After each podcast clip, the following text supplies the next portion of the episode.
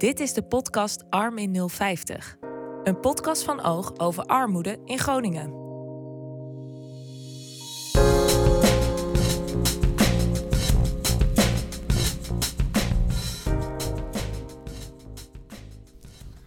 Welkom bij de zesde aflevering van Arm in 050.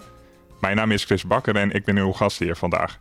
Bij mij aan tafel zitten Klaas Kloosterman, René Paulussen en Erik Meij. Uh, zouden jullie zelf even voor willen stellen, René?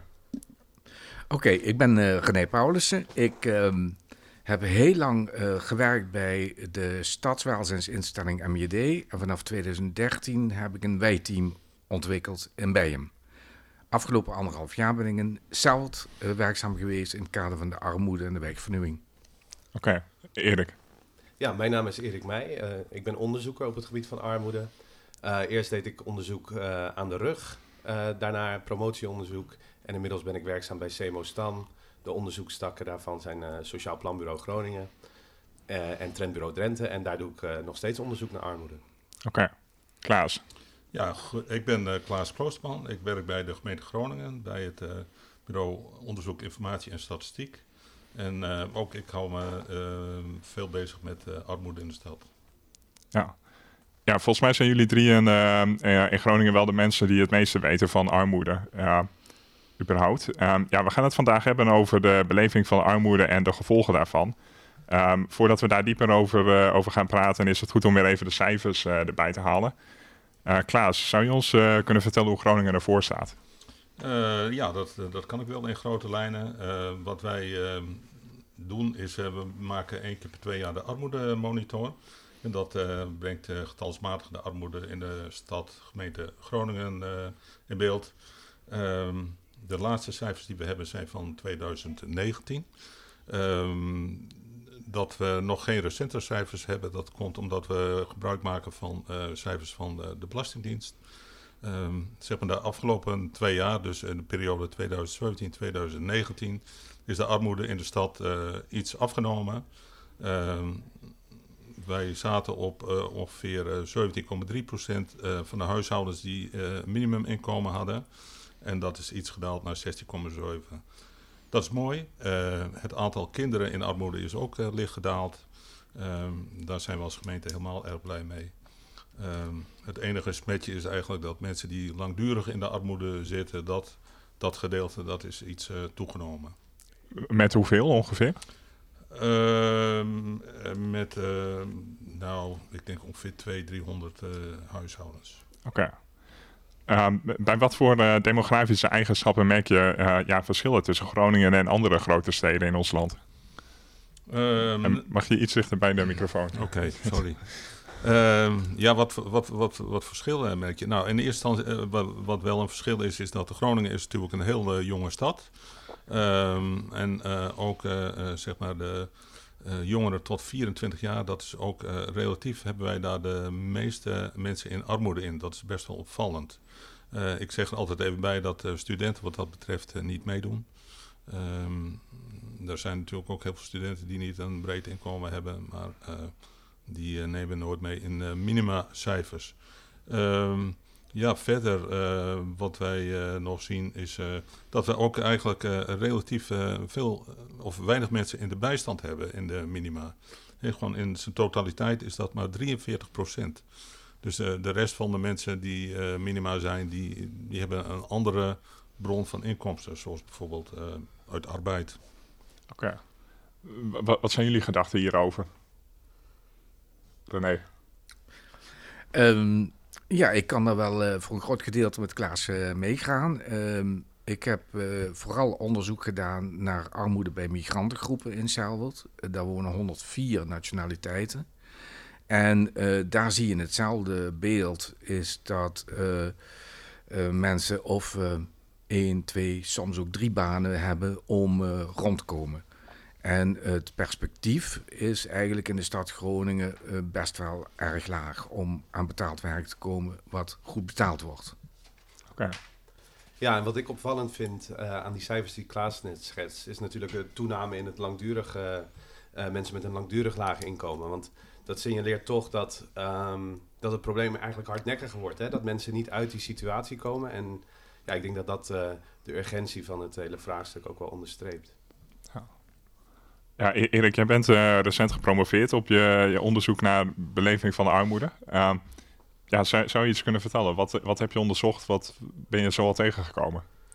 Ja, nou ja, ik heb drie jaar onderzoek gedaan uh, uh, via de rug. Um, en het mooie was, ik kon daar etnografisch onderzoek voor doen. Dat is zeg maar heel dicht bij de mensen. Dat ik echt in die netwerken kon duiken. Ik heb dat op drie verschillende plekken gedaan. Eén keer in de stad Groningen, in de wijk Bijem. En zo heb ik René ook toen leren kennen. Um, op het platteland, hier in, in Groningen, in het Groningen deel van de Veenkolonie. En ik mocht ook naar Canada. Uh, wat heel erg tof was. En zo had ik dus eigenlijk een drieluik van ervaringen van armoede in armere gebieden. Uh, en ik keek met name natuurlijk naar hoe beleeft men armoede, maar ook wat voor invloed heeft, heeft nou de leefomgeving en de plek daarop. Ja. Dus dat is in een notendop uh, wat ik heb onderzocht. Ja, zou je iets meer kunnen vertellen over die beleving van armoede? Nou ja, je ziet wel dat um, per gebied dat er verschillen zijn, wel degelijk. als je kijkt naar verschillen tussen stad en platteland, Groningen de kenmerken van de stad zijn natuurlijk dat de dichtheid van de bevolking is veel hoger. Er is veel meer diversiteit dan, dan op het platteland. Het platteland wordt toch, zeg maar in het algemene beeld van mensen is dat een soort van probleemloos, idyllisch beeld hè, van het, het platteland, rust en ruimte. dat is dat er toch veel geld. René die knippert hier even met zijn ogen, maar... um, Dus ja, in de stad is de beleving van armoede uh, wel degelijk anders. Ik denk dat, uh, dat daar veel meer uh, anonimiteit is. Um, dat inderdaad die dichtheid, dat de concentraties van armoede veel meer in bepaalde wijken zitten. En dat je dat in het platteland wat minder ziet. Dus dat zijn verschillen. Als ik het dan vergelijk met Canada, met een compleet andere welvaartsstaat, sociaal stelsel. Um, dan zijn de problemen daar, um, ja, mijn inziens schrijnender. Um, in de vorm van, ja, hoe komt men rond? Hè? De, de, de, de uitkeringen zijn daar een stuk lager. Maar ja, die sociale processen uh, die je in het alledaagse leven ziet, die zijn nou, toch wel erg vergelijkbaar. Ja.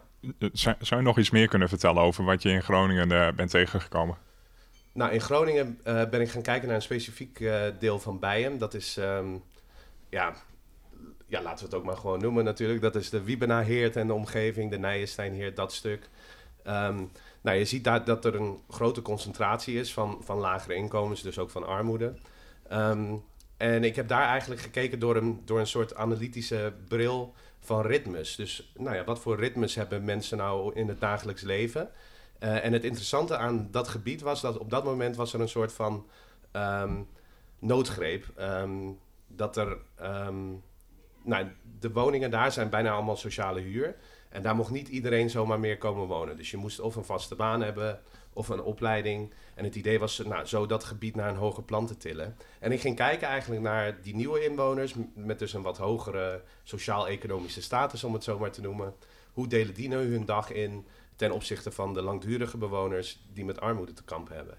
En dan zie je dat daar grote verschillen in zitten. Sowieso qua tijden op de dag dat je je activiteiten ontplooit.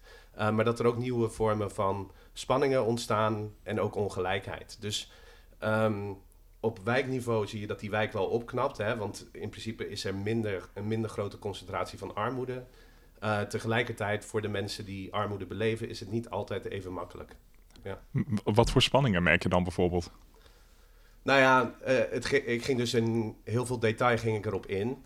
Uh, een van de dingen die ik, die ik opvallend vond, was dat er is daar heel veel zwerfvuil. En dat, dat is natuurlijk een spanning in heel veel wijken in de stad. Um, en de verschillende betekenissen die mensen daaraan toekennen.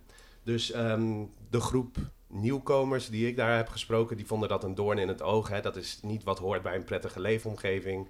Al dat vuil, al dat grof vuil ook dat aan de kant van de weg stond. Uh, dus die rapporteerden dat ook vrolijk hè, aan de gemeente met WhatsApp en hele korte lijntjes hadden die. Dus dat, dat ging allemaal heel makkelijk, was ook goed geregeld in hun ogen. Aan de andere kant sprak ik een aantal mensen die dus daar armoede uh, uh, ervoeren. Zeg je dat zo? Vandaag wel. Ervaren. Mag. Het mag. In ieder geval. Um, maar die zagen dat op een hele andere manier. dus daar stonden bijvoorbeeld wel eens kapotte stofzuigers of of kasten die half uit elkaar vielen. Maar die dachten van ja, daar, daar kan ik eigenlijk nog wel wat mee. Ik knap dat op en ik verkoop het via Marktplaats bijvoorbeeld. Nou, en dat is een heel klein voorbeeld van hoe die dingen dan anders ja, en toch ook voor spanningen zorgen. Want tegelijkertijd wordt dat natuurlijk erg gerapporteerd. Van ja, er zit weer iemand door het grof vuil hier te gaan. En ja, er zitten toch andere betekenissen aan dan je op het eerste oog zou kunnen denken. Ja. Zou, zou je nog iets meer kunnen vertellen over hoe, uh, hoe, hoe, ze die, die armoede van dag tot dag, tot dag uh, beleven?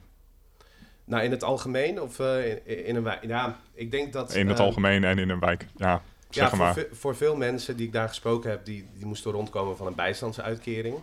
Nou ja, in Nederland, zoals ik al zei, als je het vergelijkt met Canada, is dat, is dat een stuk beter geregeld. Je kan in ieder geval je basisbehoeften daarmee coveren.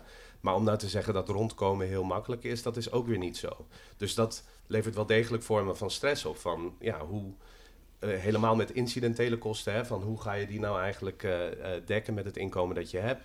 je loopt veel meer risico op schulden, dus dat zorgt zeker voor stress. Um, en daarnaast heb je natuurlijk een dagelijks ritme dat veel minder wordt bepaald door werk. dus je hebt veel meer vrije tijd wat dat betreft. En je gaat daar ook een andere invulling aan geven. Dus ook sociaal gezien Um, een groep die ik daar heel veel zag waren hondenbezitters. Uh, nou is het natuurlijk niet zo dat iedereen die armoede heeft um, een hond neemt. Maar je zag wel onder die groep dat dat ook een hele speciale betekenis had. Ook om zeg maar sociaal mee te doen in een wijk. De ontmoetingen vinden zo plaats.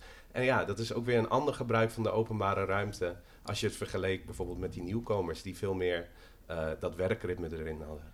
Ja. Waar zit die stress dan vooral in? de stress uh, van het rondkomen. Ja.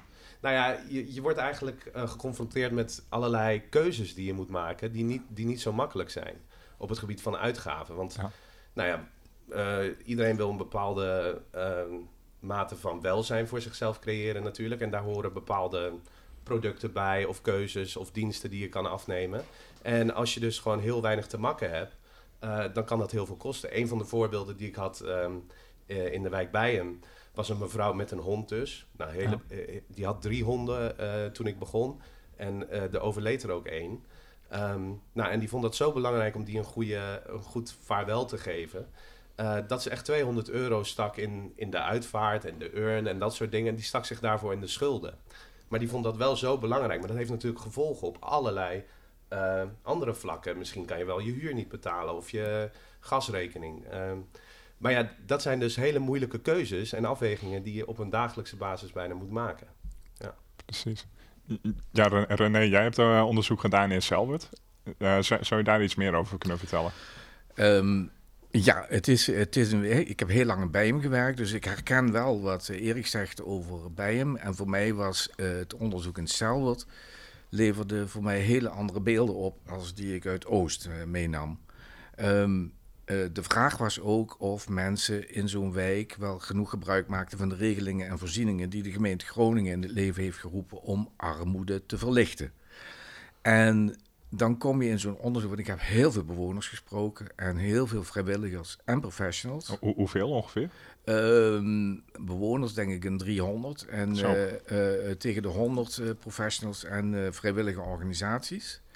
En ehm, wat uiteindelijk bleek is dat onder de, ik zal het geen nieuwkomers noemen, maar mensen met een andere nationaliteit, afkomst, mhm. dat het sociale vangnet en het, uh, de, de, het informele netwerk veel en veel groter was dan onder de Nederlanders. En die beelden die lagen anders bij de gemeente Groningen. Die dachten namelijk dat het net de nieuwkomers waren die zich niet konden handhaven in de wijk.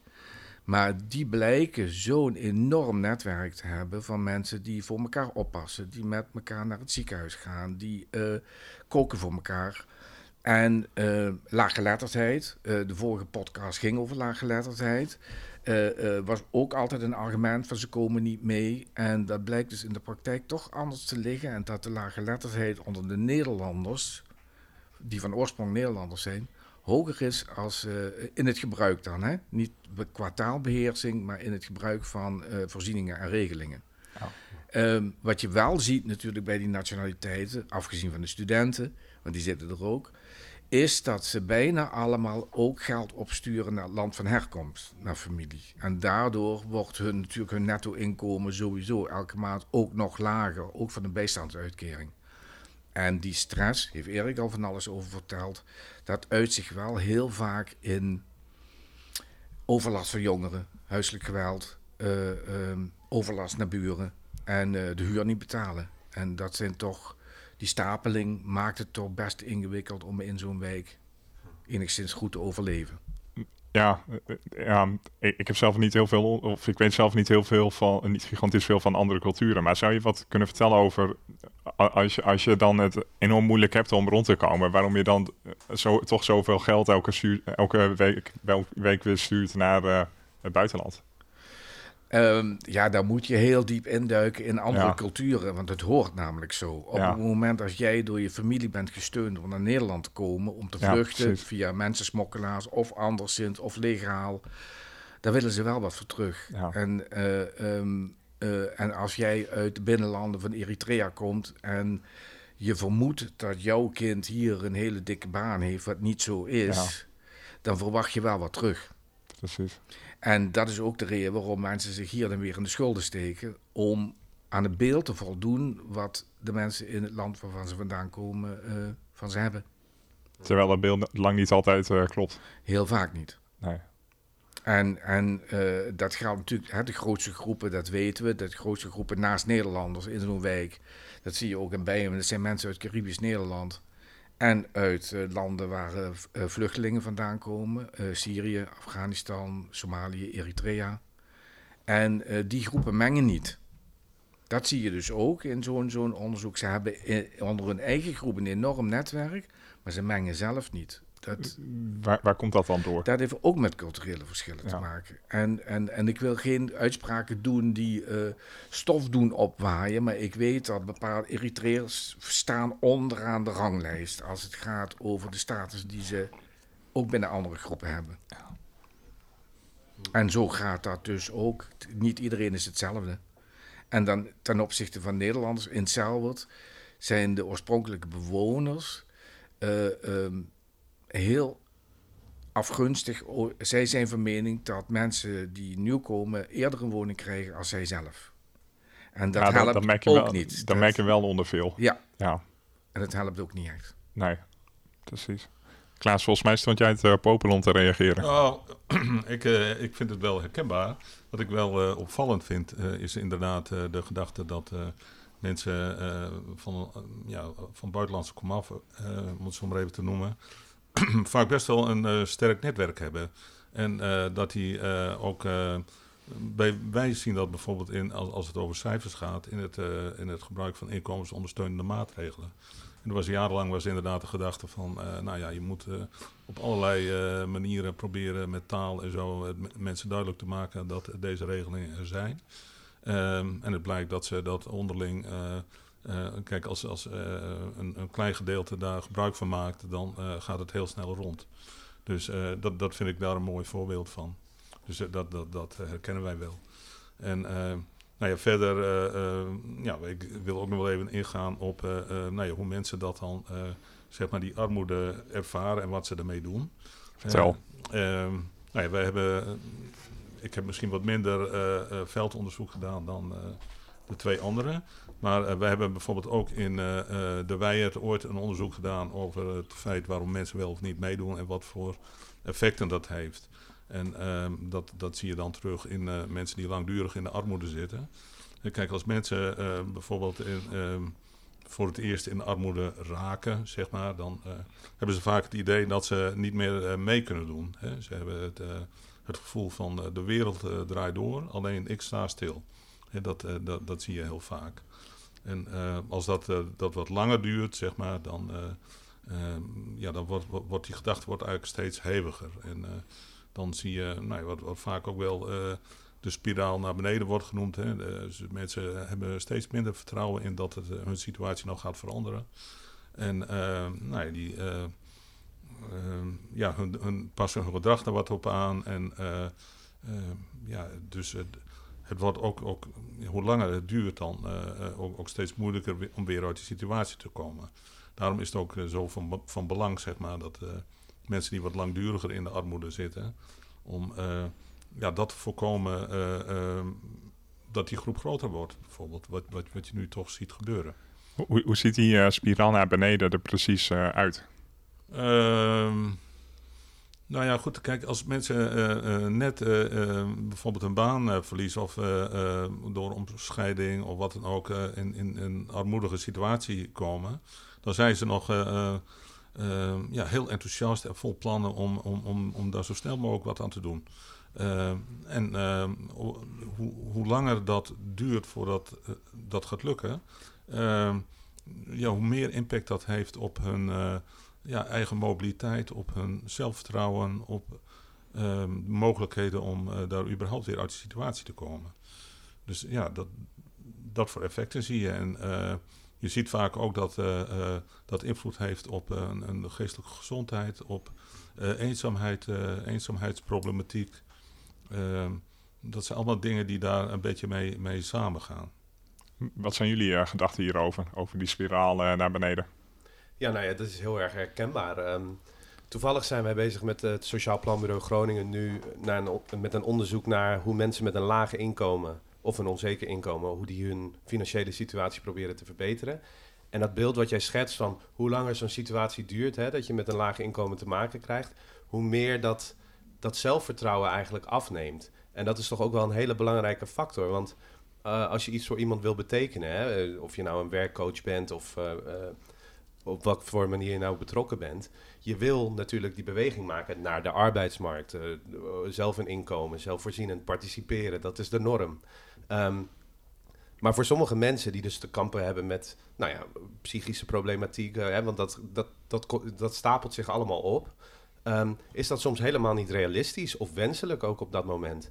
Uh, en dan wordt het een heel lastig verhaal. En um, nou ja, die, die trend van de toename in langdurige lage inkomens, dat is toch, ja, dat is daarom uh, des te belangrijker om aandacht aan te besteden. Bovendien denk ik nog dat, dat we dat probleem ook nog onderschatten. Hè? Dat heeft te maken met hoe we het definiëren. Want dat zijn mensen die vier jaar of langer met een laag inkomen te maken krijgen. Dus als jij één jaar uh, een tijdelijke baan hebt, hè, want we hebben overal tijdelijke banen tegenwoordig, uh, en het volgende jaar niet meer, dan ben je misschien één jaar ertussenuit gepiept. Dan zit je niet meer in die cijfers. Maar dan ben je misschien van de acht jaar, ben je zeven jaar uh, toch met een laag inkomen geweest. Dus ja, dat duidt ook nog misschien op een vorm van onderschatting. René, wat zijn jouw gedachten hierover? Um, ja, nee, dat klopt. Dat klopt wat, uh, wat Erik en Klaas uh, vertellen.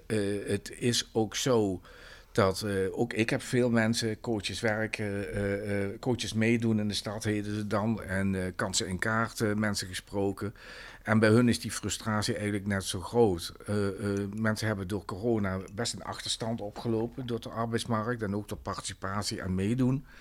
En waar begin je dan? Want je hebt geen persoonlijk contact meer met mensen die in armoede leven. En een aantal mensen vindt dat prettig, dat de, de overheid zich nergens meer mee bemoeit. Maar andere mensen gaan steeds verder in die neerwaartse spiraal. En uh, er zijn genoeg mensen waar overdag de gordijnen niet meer open gaan. En dat is wel uh, wat je in straten vaak tegenkomt. En waar de buren ook niet weten hoe het met hun gaat. En dan kan het ook nog zijn dat mensen hun gordijnen dicht hebben omdat ze moslima zijn. Want thuis mag je dan je hoofddoek afdoen. Dat is ook, hè, dat is ook nog een keer iets wat je mee moet nemen. Want iedereen denkt dan van uh, kijken of ze nog leven. Maar uh, um, je ziet het wel toenemen. En, en je ziet mensen niet meer participeren in, in, in dingen als schoolreisjes, als ehm, nou, dingen die geld kosten. Want iedereen wordt op zichzelf teruggeworpen.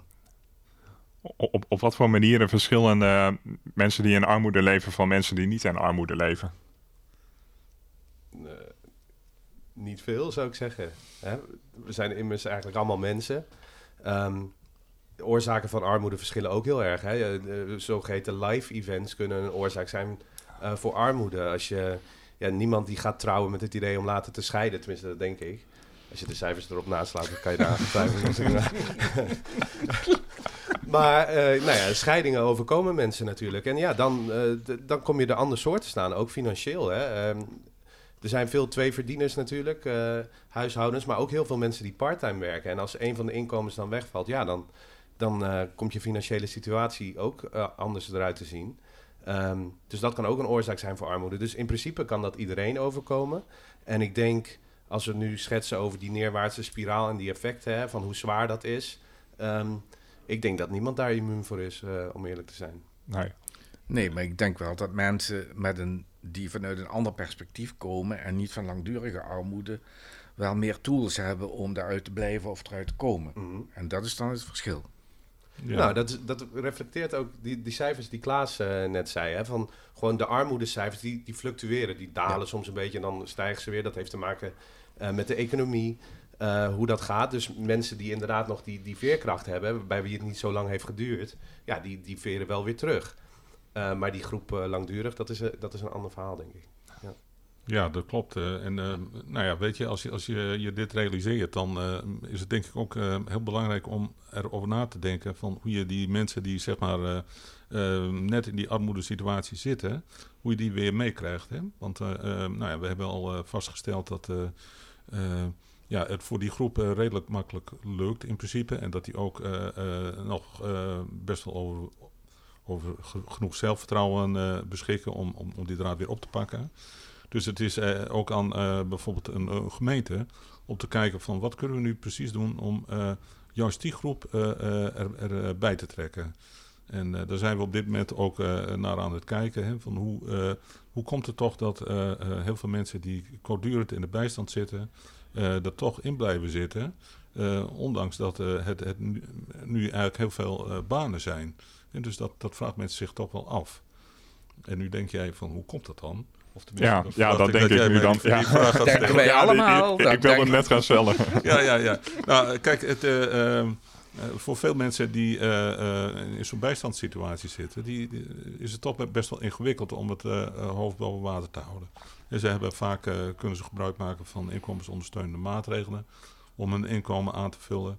Eh, op het moment dat zij gewoon een, een, een, eh, een, een baantje ervaar, eh, of aanvaarden, dan, dan, dan komt dat allemaal een beetje eh, eh, Ehm, ja, je wordt het allemaal een beetje lastig van blijven. eh, wordt mijn inkomen, gaat, gaat het niet juist omlaag in plaats van dat het beter wordt? En wat is eh, de vastigheid die mij die tijdelijke baan biedt? Eh, dus op het moment dat eh, eh, ik nou, bijvoorbeeld na twee maanden eh, eh, weer ontslagen word, eh, kan ik dan mijn eigen verworven rechten die ik eh, voorheen had eh, toen ik nog in de bijstand zat, hoe makkelijk kan ik die, die terugkrijgen? Dus er is ook heel veel. eh, ehm, ja, zeg maar, om eh, bijvoorbeeld die bijstand uit te gaan. Alhoewel mensen dat wel graag zouden willen. En dus ook, er is vaak geen perspectief op bijvoorbeeld een, een, op, op langdurig werk. Dus dat, dat, dat is wel een, een, een probleem. Ja, die, die, die grensbedragen, dat is wel echt een groot probleem inderdaad. Waardoor nou ja, mensen soms eh, echt, echt heel grote bedragen aan toeslagen moeten terugbetalen... omdat ze net iets te veel hebben verdiend, waardoor ze boven die grens eh, zitten. Dat ben ik heel vaak tegengekomen. Ja, dat, dat is natuurlijk ook zo. En eh, eh, wat ook wel meespeelt is het enorme regelingenwoud waar mensen in terechtkomen. Dat is ook een project waar we op dit moment mee bezig zijn. Van hoe kunnen we daar wat mee? Hè? Dus dat over het algemeen deze groep die, die staat wel niet onbekend dat ze daar heel goed mee overweg kunnen. En eh, nou ja, die worden gewoon eh, echt geconfronteerd met eh, enorme ingewikkelde Ja. regelingen waar ze wel of niet in passen. En eh, dus ja, dan, eh, ik kan me op zich ook wel voorstellen dat iemand eh, die het dan to- toch een beetje voor elkaar heeft in zo'n bijstandspositie, dat hij nog wel twee keer erover nadenkt om een, eh, bijvoorbeeld een tijdelijke baan aan te nemen. Hmm. Ja. Ehm, ja, over die, over die regelingen en zo, ehm, daar wil ik, kunnen we het straks nog wel verder over gaan hebben. Maar eerst, ehm, ja, E- Erik en René, zouden jullie nog iets meer kunnen vertellen over die sociale mechanismes eh, die jullie eh, hebben gezien?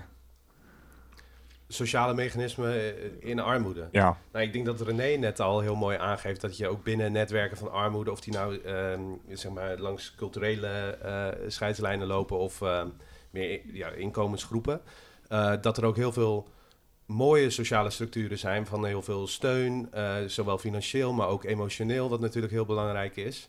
Eh, dat je dat heel erg ziet, dat er heel veel creativiteit en vindingrijkheid is. Hè? Een gebrek aan geld, dan moet je op andere manieren oplossingen vinden. Maar tegelijkertijd zijn er natuurlijk ook sociale processen die, die het ontstaan en het voortbestaan van armoede eigenlijk in de hand werken.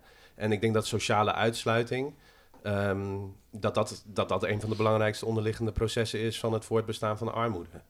Ehm, iets heel simpels is natuurlijk dat als je, als je weinig inkomen hebt, dat je sociale activiteiten daar ook aan te uh, lijden hebben. Hè. Je kan niet meer zo meedoen in een vriendenkring ehm, als mensen met een hoger inkomen. Maar tegelijkertijd, als je bijvoorbeeld het intergenerationele dimensie van armoede bekijkt, dan, dan word je dus geboren. Dan staat je wieg in een netwerk van uh, gezinnen en families die eigenlijk al generaties arm zijn. Die netwerken zijn doorgaans vrij klein, hè, want dat is een aparte, uh, aparte groep um, uh, die zich ook uitgesloten voelt.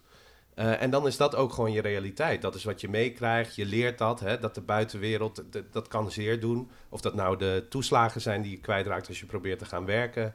Um, of bijvoorbeeld een leerkracht die het niet in je ziet zitten op school omdat je uit een bepaalde familie komt. Dus dat vormt je ook op een bepaalde manier. En dan wordt die sociale uitsluiting uh, wordt ook isolatie. Hè? Um, en dan doe je misschien je gordijnen dicht. Dat zijn uh, dat soort tekenen daarvan. En ja, als je in zo'n zo'n situatie terechtkomt, sociaal gezien, dan, dan, zit je in een isolement en dan is het ook heel moeilijk. Dan krijg je ook niet de kansen uh, die mensen die buiten die netwerken zitten wel krijgen. Wat, is, wat, is de, wat zijn de gevolgen van dit alles op, op iemands leefomgeving in, in de wijken bijvoorbeeld? In de wijk? Ja, wat merk je van armoede in de wijken? Nou, ik denk dat René net uh, een voorbeeld geeft van de, van, van de geblindeerde ramen. Ja, uh, hetzelfde bijvoorbeeld. Ja. Wat, wat ben jij uh, zo, zo al tegengekomen? Nou ja, veel van die geblindeerde ramen, dat sowieso. Oh. Hè? En dan beginnen dingen te leven. Dan, dan gaan buren daarover spreken. en eigenlijk, ja, dat is allemaal een beetje olie op het vuur natuurlijk. Want je merkt dat en je voelt je een beetje een buitenstaander, dat soort dingen. Um, maar in wijken, um, ja, wat je ook... Nou, in Groningen en ik denk in Nederland in het algemeen zijn we heel erg bezig met leefbaarheid. Hè? Dat, dat we leefbare wijken hebben. Het liefst met een gebalanceerde sociale uh, opbouw. Um, en dat is allemaal wel heel erg gericht op hoe ziet zo'n wijk eruit. Hè? Vanaf de buitenkant. Als je ernaar kijkt, is het niet storend. Ligt er geen vuil. Um, zijn er niet te veel uh, geblindeerde ramen. Uh, dat soort dingen. Maar daarachter gaan natuurlijk de leefwerelden schuil van mensen. En ja, je ziet gewoon dat concentraties van armoede zijn, zijn over het algemeen nadelig uh, voor de kansen van mensen. Maar tegelijkertijd zijn er natuurlijk die positieve dingen. Dus het zijn hele complexe afwegingen en er zitten voor- en nadelen aan alles. Um, en soms denk ik, vind ik, hè, met wijk aanpakken dat we heel erg op, op hoe een wijk eruit ziet. Dat we daarop uh, focussen en iets minder op de mensen. Heel veel op de stenen en de fysieke uitstraling, minder op uh, het sociale. Ja, dat is, dat is wel een ding, inderdaad. Ja, wat, wat misschien ook wel interessant is, wij uh, uh, hebben dit jaar een, een, verband proberen te leggen tussen het hebben van weinig geld en allerlei welzijnsaspecten. En daar zijn we op dit moment met de studie bezig. En nou ja, wat je natuurlijk wel verwacht is dat mensen met heel weinig geld, dat die over het algemeen ja, meer te lijden hebben van eenzaamheid, minder contacten, nou, dingen die jij al opnoemt zo net. Um, een dingetje waar we nu nog mee bezig zijn is uh, om te kijken van uh, hoe zit dat als, als, als je kijkt naar segregatie. Dus met andere woorden, als je, uh, waar jij ook al even aan refereerde, in, in buurten waar heel veel arme mensen zitten. En wat voor effect heeft dat bijvoorbeeld op, op, op welzijn? Want uh, aan de ene kant, nou ja, je, je zegt van mensen hebben over het algemeen, mensen uit dat soort omgevingen hebben minder kansen. Uh, aan de andere kant kan het ook zijn dat ze steun bij elkaar ervaren. Dus dat uh, uh, bijvoorbeeld voor mm, ja, allerlei welzijnsaspecten dat wel positief uit kan vallen. Dus daar zijn we op dit moment mee bezig om, om, om, om dat te bekijken. Dus daar ben ik ook wel heel nieuwsgierig naar hoe dat uit gaat pakken. Ja, ja, ik ook. Ja, het is gewoon interessant, hè? want het is natuurlijk vanuit de beste bedoelingen is dat allemaal bedacht, ook die gemeende wijken. Uh, maar het idee is altijd een beetje gestoeld op dat als een wijk er beter aan toe is, hè, dat er ook een wat meer een gebalanceerde mix is, dat dat goed zou zijn uiteindelijk voor iedereen. Maar een soort, als je het concreet maakt, van wat betekent dat in de praktijk, van als jouw buurman ineens in plaats van in de bijstand dat hij een goede baan heeft, hoe, hoe vergroot dat jouw kansen op een baan bijvoorbeeld? Hoe uh, maakt dat jouw kansen beter? En dan denk ik van ja, zo, zo simpel is het dus allemaal niet. Nee, want je kunt je afvragen van stimuleert dat jou? Ja. Hè, bijvoorbeeld om uh, ook. Uh, of of, of, of heb je het gevoel dat je nog verder ja. met je eigen problemen geconfronteerd wordt? Ja, dus, accentueert het misschien wel verschillen precies. ook. En, ja.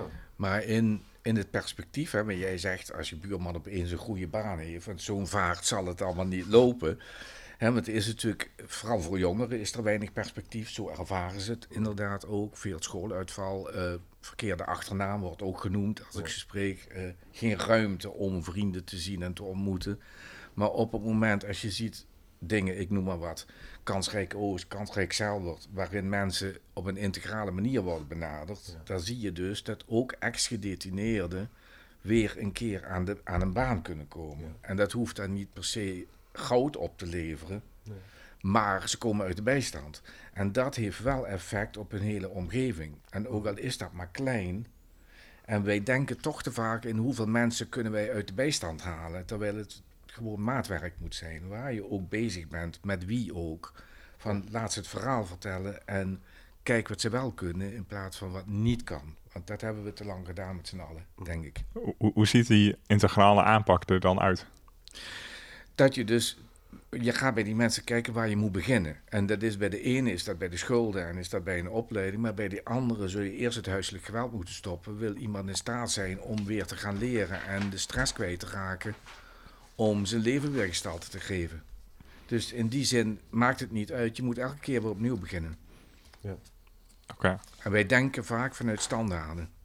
Ja, daar ben ik het helemaal mee eens hoor. Van uh, wat je ook uh, in ons onderzoek ziet naar die uh, verbanden tussen armoede en, en welzijnsindicatoren, is dat het, ja, dat hangt allemaal met elkaar samen. En dus het heeft, um, ja, het is denk ik niet goed om alleen um, je maar te richten op dat financiële en te proberen om mensen uit, uit de uitkering te helpen. Maar je kan ook heel goed andere, wat jij eigenlijk al zegt, andere ingangen zoeken. En kijken van oké, laten we daar eerst gaan proberen. En dan komt dat, dan, dan komt dat uh, uh, uh, ja, die tocht of, of, of, of, die rit naar werk, dat komt dan wel. Hè, dus ja. Ja. E Erik, wat, wat voor, je hebt ook dus in de provincie onderzoek gedaan. Wat voor verschillen merkte je tussen de stad en die plek in de provincie waar je onderzoek hebt gedaan? in de beleving van armoede? Ja. Ja, eigenlijk refereerde ik er net ook al een beetje aan. Hè? Je hebt natuurlijk te maken met een hele andere ruimtelijke omgeving. In een stad is het veel dichter, uh, de bevolkingsdichtheid uh, is hoger, um, de bebouwing is anders. Um, de sociale huur die concentreert zich op verschillende plekken. En in het platteland zie je dat dat veel meer um, verspreid is uh, zo. qua sociale aspecten zijn er ook wel veel verschillen door die dichtheid en die diversiteit in de stad, denk ik dat de beleving van armoede wat dat betreft wat anoniemer is. Veel meer uh, gebonden aan ja, of, je, of je afkomst, hè, je etniciteit uh, of, of je wijk. Um, waar in het platteland um, de risicogroepen, de bekende risicogroepen op armoede, hè, dus de, de, mensen met een migratieachtergrond, uh, die zijn daar in principe minder. Die zijn daar ook aanwezig, uiteraard. Maar ik zag daar ook heel veel autochtonen en dat intergenerationele stuk. En wat je dan zag in dorpen, waar het toch meer een ons kent ons uh, gevoel is, zie je ook dat die sociale kennis, zeg maar, van welke families uh, waarbij horen, dat die heel scherp ontwikkeld is. Ook wel op scholen. Uh, en dat resulteert bijvoorbeeld ook in een. in vormen van onderadvisering op scholen. Nou, wat natuurlijk heel erg impact heeft op je kansen in je latere leven. Um, maar dat die sociale kennis eigenlijk veel verder ontwikkeld is nog. Terwijl in de stad is de doorlooptijd allemaal veel korter. Hè? Mensen wonen korter in een woning, dat soort dingen. Die, ja, dat speelt allemaal mee in hoe je ook armoede beleeft.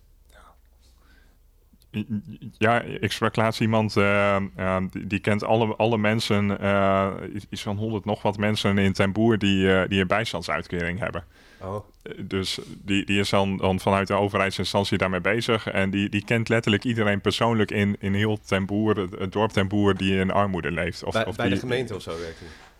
Uh, nee, bij een maatschappelijke organisatie. Oh, ja. Maar dat, dat, dat is denk ik dan wel een verschil van dat, dat ga je in de, in, in de stad is dat volgens mij heel, heel moeilijk om dat uh, nee. in kaart uh, te brengen. Nou ja, en als je, wat, wat René net zegt, hè, dat maatwerk, ja. dat integraal benaderen van waarin een mens gewoon een mens is en de mens centraal. Ja, dat, dat maakt natuurlijk de uitdagingen compleet anders op dat vlak. Ja.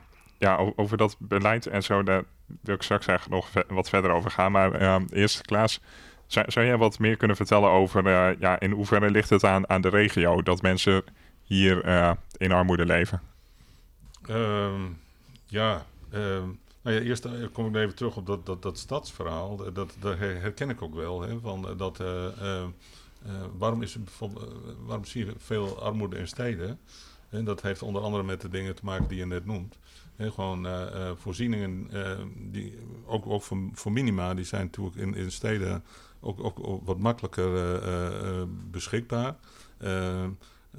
maar ook inderdaad dat mensen zich wat, wat anoniemer voelen en dus wat meer ook, ook nog hunzelf, zichzelf kunnen zijn. Dat is denk ik ook best wel belangrijk. Uh, en jou, je vroeg nu naar eh, de regio. Wat, uh... Ja, en in hoeverre ligt het aan, ligt het aan, aan de regio? Oh ja, ja. Nou ja, wat je, wat, wat je eigenlijk ziet, hè, gewoon als je de landelijke minima-cijfers bekijkt, dan, dan zie je eigenlijk twee wel constante factoren. En dat er veel minima in grote steden zijn. Met name, nou ja, dat, dat heeft onder andere te maken met het verhaal waar we het zo net over hadden, denk ik. ook bieden steden natuurlijk in principe Ehm, de meeste eh, opties eh, om eh, toch weer uit die armoede te komen, hè, met betrekking tot, tot werk en dergelijke. Um, wat je regionaal ziet, zeg maar buiten die grote steden, is dat, dat er veel armoede is in ja, eigenlijk, een beetje de, de, de grensgebieden. Dus bijvoorbeeld de, de oostelijke grens van Nederland. Hè. Gewoon als je daar komt ook heel veel armoede voor. Dus, uh, en hoe dat, ja, hoe dat precies komt, dat, dat uh, is ja, ook nog niet helemaal duidelijk. Maar het is wel, wel een, een, een gemeenschappelijk kenmerk in ieder geval. Wat zijn jullie gedachten hierover? Nou, ik weet, tenminste, ik heb het vorige week nog ergens gelezen ook, dat het aantal, de vergrijzing is daar een factor bij. Dat aan de grenzen jongeren trekken weg.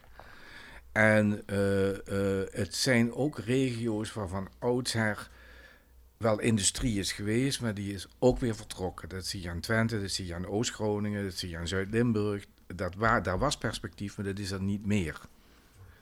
En de voorzieningen lopen daar achteraan, of worden, lopen er achteraan. Die worden dus steeds minder, net wat Klaas vertelt. Hoe meer perspectief je hebt, hoe meer voorzieningen er ook zijn. En hoe minder je op jezelf wordt teruggeworpen. Oké. Ja, daar kan, daar kan ik me alleen maar bij aansluiten natuurlijk. Oké, mooi. Ehm, ja, ik had hier als vraag staan, ehm, ja, wat, door wat voor gebeurtenissen komt iemand, iemand in armoede en in hoeverre ligt dat aan de persoon zelf? Maar volgens mij hadden we dat net al wel vrij uitgebreid besproken toen we het over die cirkel uh, hadden. Um, ja, hoe, hoe komt het dat mensen in armoede blijven? En dus niet die spiraal weer naar boven kunnen ombuigen? ook daar denk ik, daar kun je geen algemeen antwoord op geven. Want uh, um, laat ik het zo zeggen, op het moment als ik uh, um, in een huis woon waar uh, een van mijn kinderen een tijdelijke baan heeft en die komt weer thuis wonen omdat hij zijn baan verliest, dan val ik onder de voordeurdelersnorm en ik heb daar geen benul van, maar het wordt dus wel je krijgt minder inkomen omdat je je kind in huis hebt. En dat is voor veel mensen ook iets wat ze één niet begrijpen. Maar wat twee ook heel veel effect heeft op de manier waarop je kijkt naar armoede. Want je wil graag voor je eigen kinderen, voor je omgeving zorgen. Maar je hebt het gevoel alsof het je moeilijk wordt gemaakt door de overheid. En dit is natuurlijk ook een regel waar de laatste jaren veel oppositie tegen gevoerd wordt. Ik heb ook gezinnen gesproken die ik noem ze geen slachtoffer, maar die te maken hebben gehad met de toeslagenwet, kindertoeslagenwet. Nou ja, dan, dan, dan, heb je het niet meer over spiraal ombuigen. Ik bedoel, dat gaat met een sneltrein naar beneden. En, eh, Het is allemaal cumulatief. Op het moment dat je ergens iets gebeurt, heeft het effect op andere leefgebieden ook. Hebben jullie nog iets toe te voegen?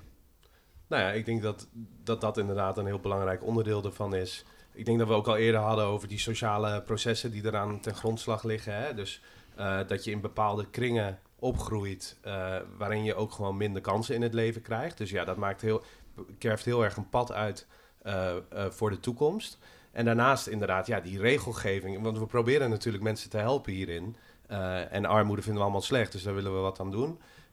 En dan denk ik dat het systeem van regelgeving wat we hebben gedaan dat dat soms mensen echt uh, van de regen in de drup helpt of zelfs uh, problemen kan verergeren als je het hebt over toeslagenaffaire en dat soort dingen. En daarnaast, ja, hoe werken we met, met de doelgroep, met mensen in armoede? Um, dat daar dat belang van dat maatwerk, dat die mens centraal staat, dat dat ook heel belangrijk is.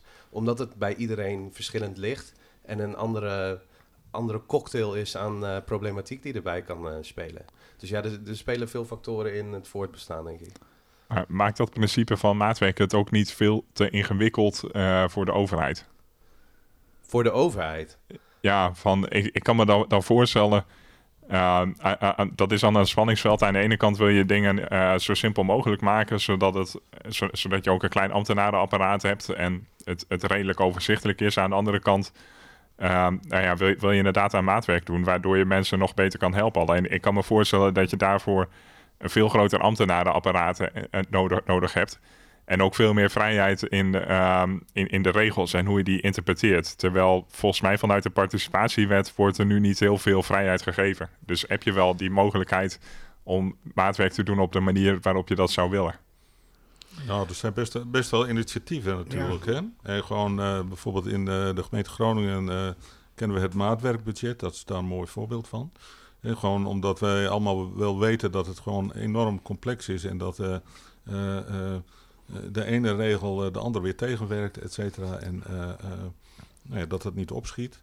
Um, zijn we daar met het maatwerkbudget uh, aan het experimenteren. En dat, dat, dat komt er eigenlijk op neer dat er gewoon wordt gekeken naar wat heeft deze persoon op dit moment nodig uh, om uh, erger te voorkomen. En dat, dat ben je niet. En dan, ja, dan wordt er eigenlijk tussen de regels door heen gewerkt om ja, een tijdelijke situatie om te buigen, zodat we van de regen in de druk komen. Dus dat, dat, dat soort initiatieven, die zijn er wel en volgens mij wordt het ook alleen maar meer. Dus. Ja, ik denk ook dat die beweging zeker gaande is. en dat besef, zeg maar, hè, dat dat nodig is. Ik denk ook dat binnen bestaande wet en regelgeving, dat er zijn natuurlijk ook uitzonderingen mogen, mogelijk op de regel. Um, en wat je ook wel ziet bij bepaalde sociaal werkers of uh, gemeenteambtenaren, die weten ook wel die olifantenpaadjes te bewandelen. En dan zie je ook op casusniveau dat dat, um, dat, dat succesvol is. Maar hoe ga je dat nou common practice maken? Hè? Dat, dat iedereen zo werkt. Nou, daar zijn verschillende dingen En het is natuurlijk vrij dubbel, hè? want ik, ik weet het, het maatwerkbudget, het heeft fantastische dingen opgeleverd de afgelopen jaren in de stad. Maar het is natuurlijk ook de overheid die per definitie de grootste schuldeiser is als mensen in de problemen terechtkomen. En daarbij ook nog voorkeursbehandeling krijgt bij het innen van de schulden. Dus in het vertrouwen van de burger en de overheid helpt het allemaal niet erg veel. Ja, daar was ik wel zelf wel echt verbaasd over. Uh, uh, ik ben in maart begonnen met dit project en ik kwam al vrij snel tegen dat, uh, dat inderdaad de overheid vaak de grootste schuldeiser is. Volgens mij in 90 tot 95 procent van de gevallen. Dus dat, dat, daar schrok ik wel echt van, van hoe, hoe hoog dat is. Ja. ja. Nou ja, en als de overheid, hè, want we hebben, nou, als al heel lang zo, dat zijn natuurlijk het CJB, dat, zijn, dat is de club die, uh, die de boetes int voor de overheid. Uh, dat is ook niet de, de grootste vriend van heel veel mensen.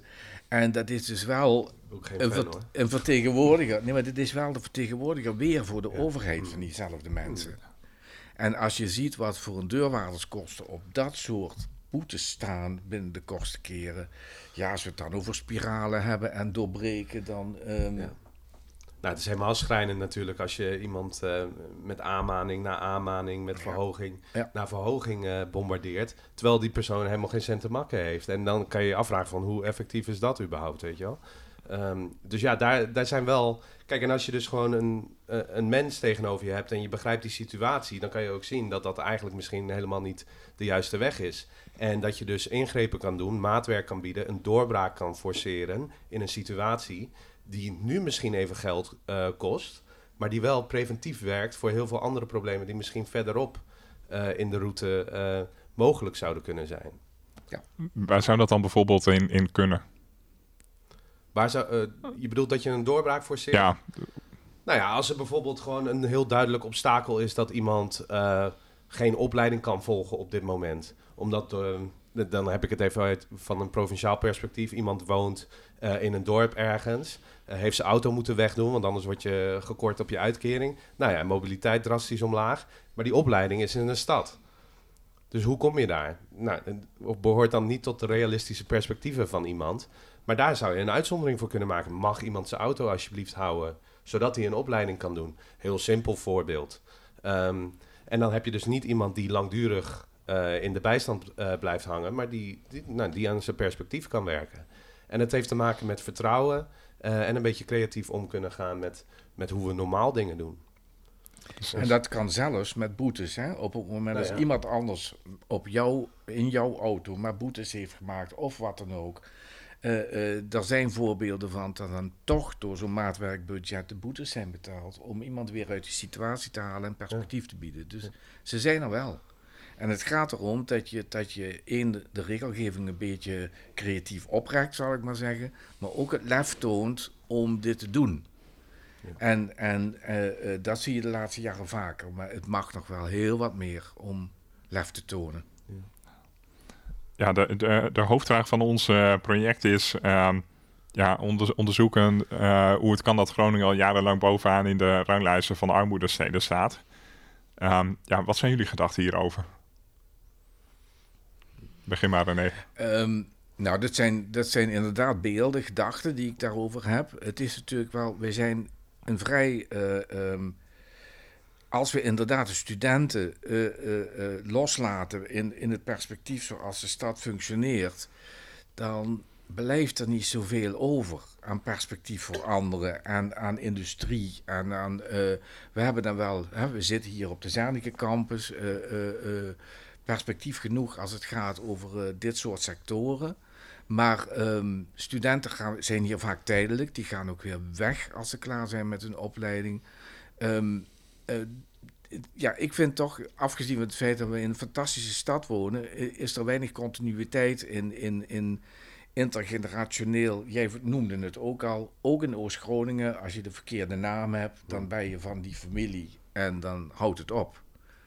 En, eh, eh, of het, het houdt niet op, je leeft wel door, maar je hebt het perspectief niet om er beter van te worden.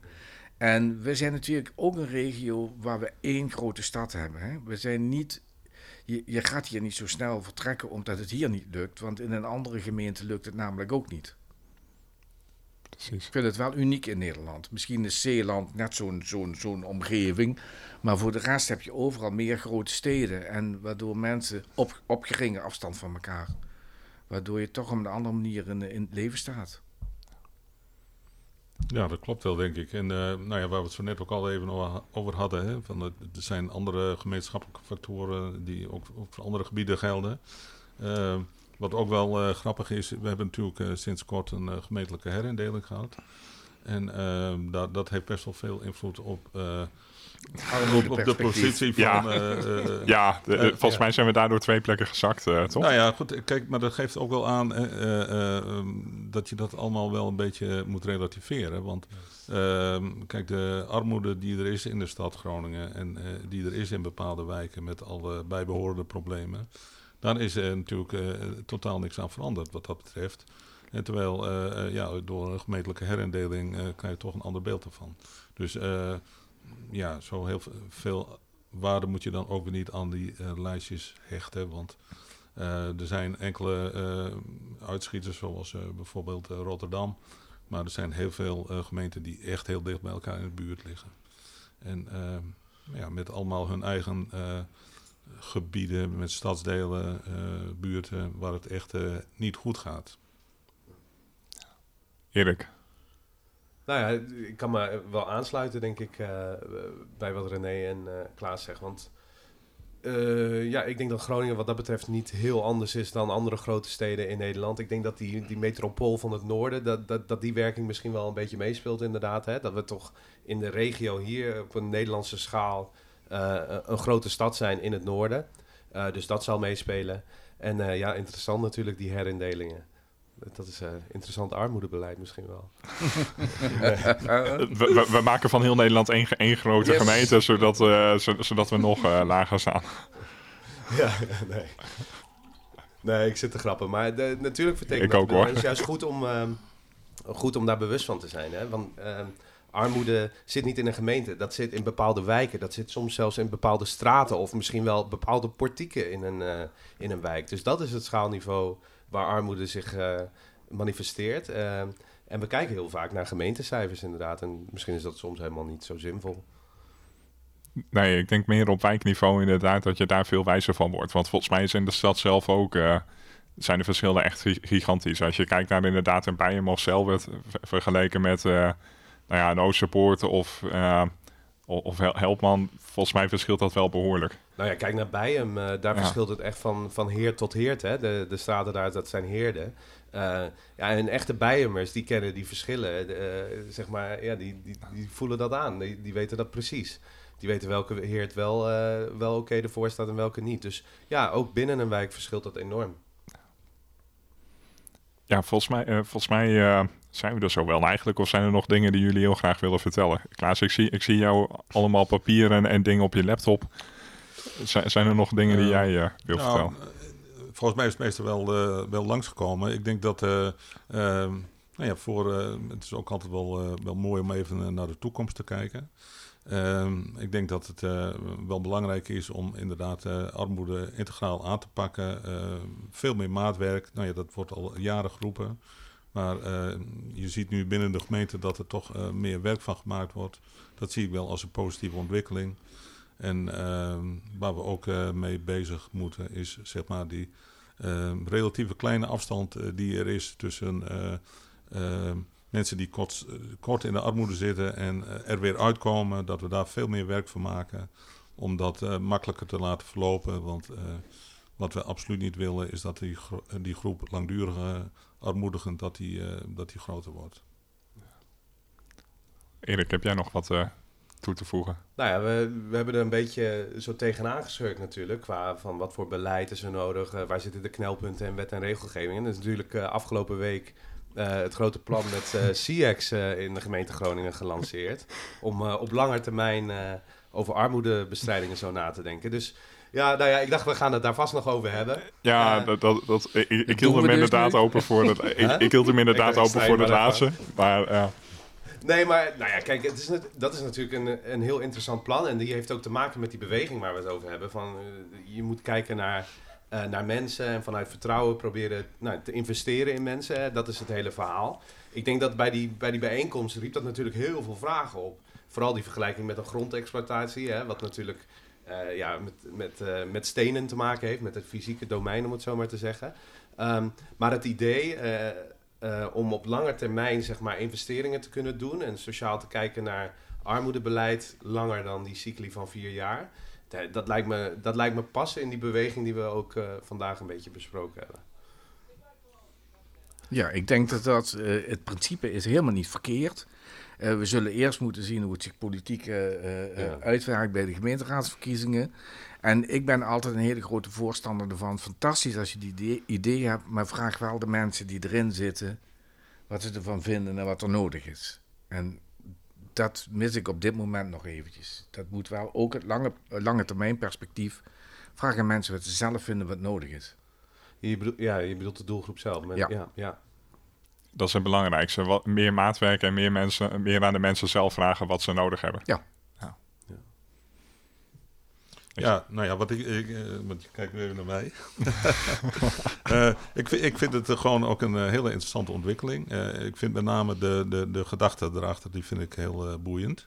van, we zien dat de armoede een, een groot probleem is. met name de effecten ervan op lange termijn, op gezondheid, op welzijn. dus dat betekent het, het enorme belang.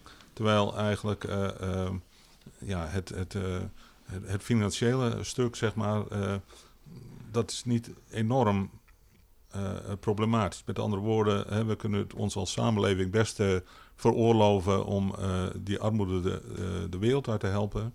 Hoe we dat moeten doen is nog de, nog de vraag. Maar ehm, het idee om, zeg maar, als je daar in slaagt, of in ieder geval voor een groot gedeelte in slaagt, zal dat zijn invloed hebben op ja, allerlei andere kosten die we als, als maatschappij ook, ook hebben. op het gebied van gezondheidszorg, opvoeding en dergelijke. Ehm, dus het is sowieso een interessante gedachte om te kijken hoe je dat, dat structureel kunt veranderen. Ja. Dat is tegelijkertijd ook denk ik het hele lastige aan dat plan natuurlijk, zoals het gepresenteerd werd. Want nou ja, dan hebben de gevolgen van armoede, die, die, die, zorgen voor kosten, en dat mogen we niet zo noemen, maar op heel veel terreinen, zeg maar, gezondheid, uh, welzijn, uh, wat dan ook, uh, arbeidsmarkt. Ehm, maar als je dan investeert, waar landt dan die winst, zeg maar? En dat is het hele ingewikkelde eraan natuurlijk, in zo'n gefragmenteerd landschap met hulpverleners en eh, dingen. Nou ja, je hoopt natuurlijk dat die winst zich uitbetaalt voor, zoals jij het noemt, de doelgroep. De mensen die in de armoede leven en niet bij organisaties en anderen. Nou ja, het gaat ook om maatschap- maatschappelijke besparingen uiteindelijk. Uiteindelijk wel. Ja, Iemand die uit de bijstand gaat, daar bespaart de overheid ook 15.000 per jaar op in Ja. een bijstandsuitkering. ja. Dus stel dat bij elkaar op. Nou, kun je het van financieren, zou ik zeggen. Ja, over, over dat CX. ehm, ja, ik, zal niet te, niet te veel ehm, mijn eigen mening geven. Maar ehm, het is nog totaal niet. Re- René die probeert eh, de schuifjes dicht, dicht te doen. Nee, maar het is nog. ik, heb eh, mevrouw Dix heb ik, eh, geïnterviewd na, na afloop van die presentatie. En de komende maanden gaan ze inderdaad kijken van hoe dat dan concreet kan. Waar je dan concreet in kan investeren en waar je dan, daar dan concreet winst kan halen. Ehm, Ja. ja. ik persoonlijk, ik, ik zie het niet, want het is volgens mij veel te ingewikkeld. Heel moeilijk om te vergelijken met de grondexploitatie, want dat- dat is iets in het eh, fysieke domein. Maar goed, ehm, die inhoud, daar gaat ze de komende maanden aan werken. En dan hopen ze in februari iets eh, te presenteren. Maar ik ben vooral heel erg benieuwd ehm, hoe, hoe ze dat politiek er doorheen gaat krijgen. Want nou ja, in maart zijn de gemeenteraadsverkiezingen. Dan moeten ze de, hoop hebben dat de volgende, volgend college dit zo'n geweldig plan eh, vindt dat ze ermee aan de slag gaan. Dat is één ding. Aan de andere kant eh, kan ik me ook voorstellen dat je de Rijksoverheid echt nodig hebt voor als je op deze manier wil gaan investeren en armoede wil gaan aanpakken. En ja, nu is het toch zo dat eh, de VVD de grootste partij is. En ik kan me voorstellen dat, eh, dat zij zeer terughoudend zijn.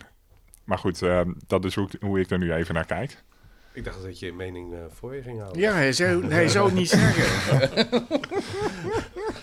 Misschien Nou, ik dit er wel uitknippen. ik, ik, ben, ik ben nu nog enigszins eh, mild, maar ik, ik, ik, ik, heb, ik heb gewoon heel veel, heel veel kanttekeningen en vragen, laat ik, laat ik het zo zeggen. Ja, nou, nou ja, ik, eh, daar Heel kan ik me goed. bij aansluiten, want Ja. het is natuurlijk iets dat heel veel vragen oproept. Maar het idee om langer te kijken, hè, de ondersteuning ook te kunnen uitbreiden, preventief te kunnen werken, eh, dat is natuurlijk onderdeel van die beweging die wij ook zeggen van ja, dat, dat is wel nodig nu eh, in armoede. En dat besef eh, dringt steeds verder door. En hoe, hoe moet dat? Ja, dat, eh, dat, dat moeten we ook gaan uitvogelen. Want je kan niet dat hele ingewikkelde systeem, dat, dat is ontwikkeld in de loop der jaren, ga je niet in één dag uitvagen, zeg maar. Dat is natuurlijk een olietanker die je gaat keren, heel langzaam. En eh, nou ja, dit, eh, dit zijn ook eh, ideeën die, die in die richting eh, gaan. Ja, of het eh, in de praktijk gaat werken, dan gaan we, ik ben heel benieuwd wat eh, de uitwerking verder is ook. Ja, ja dus dat eh, gaan we in februari zien. Ja. Gezondheid, eh Klaas. Ehm, ja, volgens mij zijn we er zo nu wel. Of hebben jullie nu echt nog eh, dingen waarvan je zegt van nou, daar moeten we het ook nog over gaan hebben? Nee. Nee, oké, mooi. Ehm, ja, ik dank jullie, ik dank mijn gasten. Ik dank de luisteraar. Ehm, ja, bedankt voor het luisteren en ehm, tot de volgende keer. Leuk dat je luisterde naar de podcast Arm in 050. Dit onderzoeksproject wordt mede mogelijk gemaakt door het Stimuleringsfonds voor de Journalistiek en de provincie Groningen. Wil je meer weten over het armoedeproject van Oog? Kijk dan eens op armin050.nl. Tot de volgende aflevering.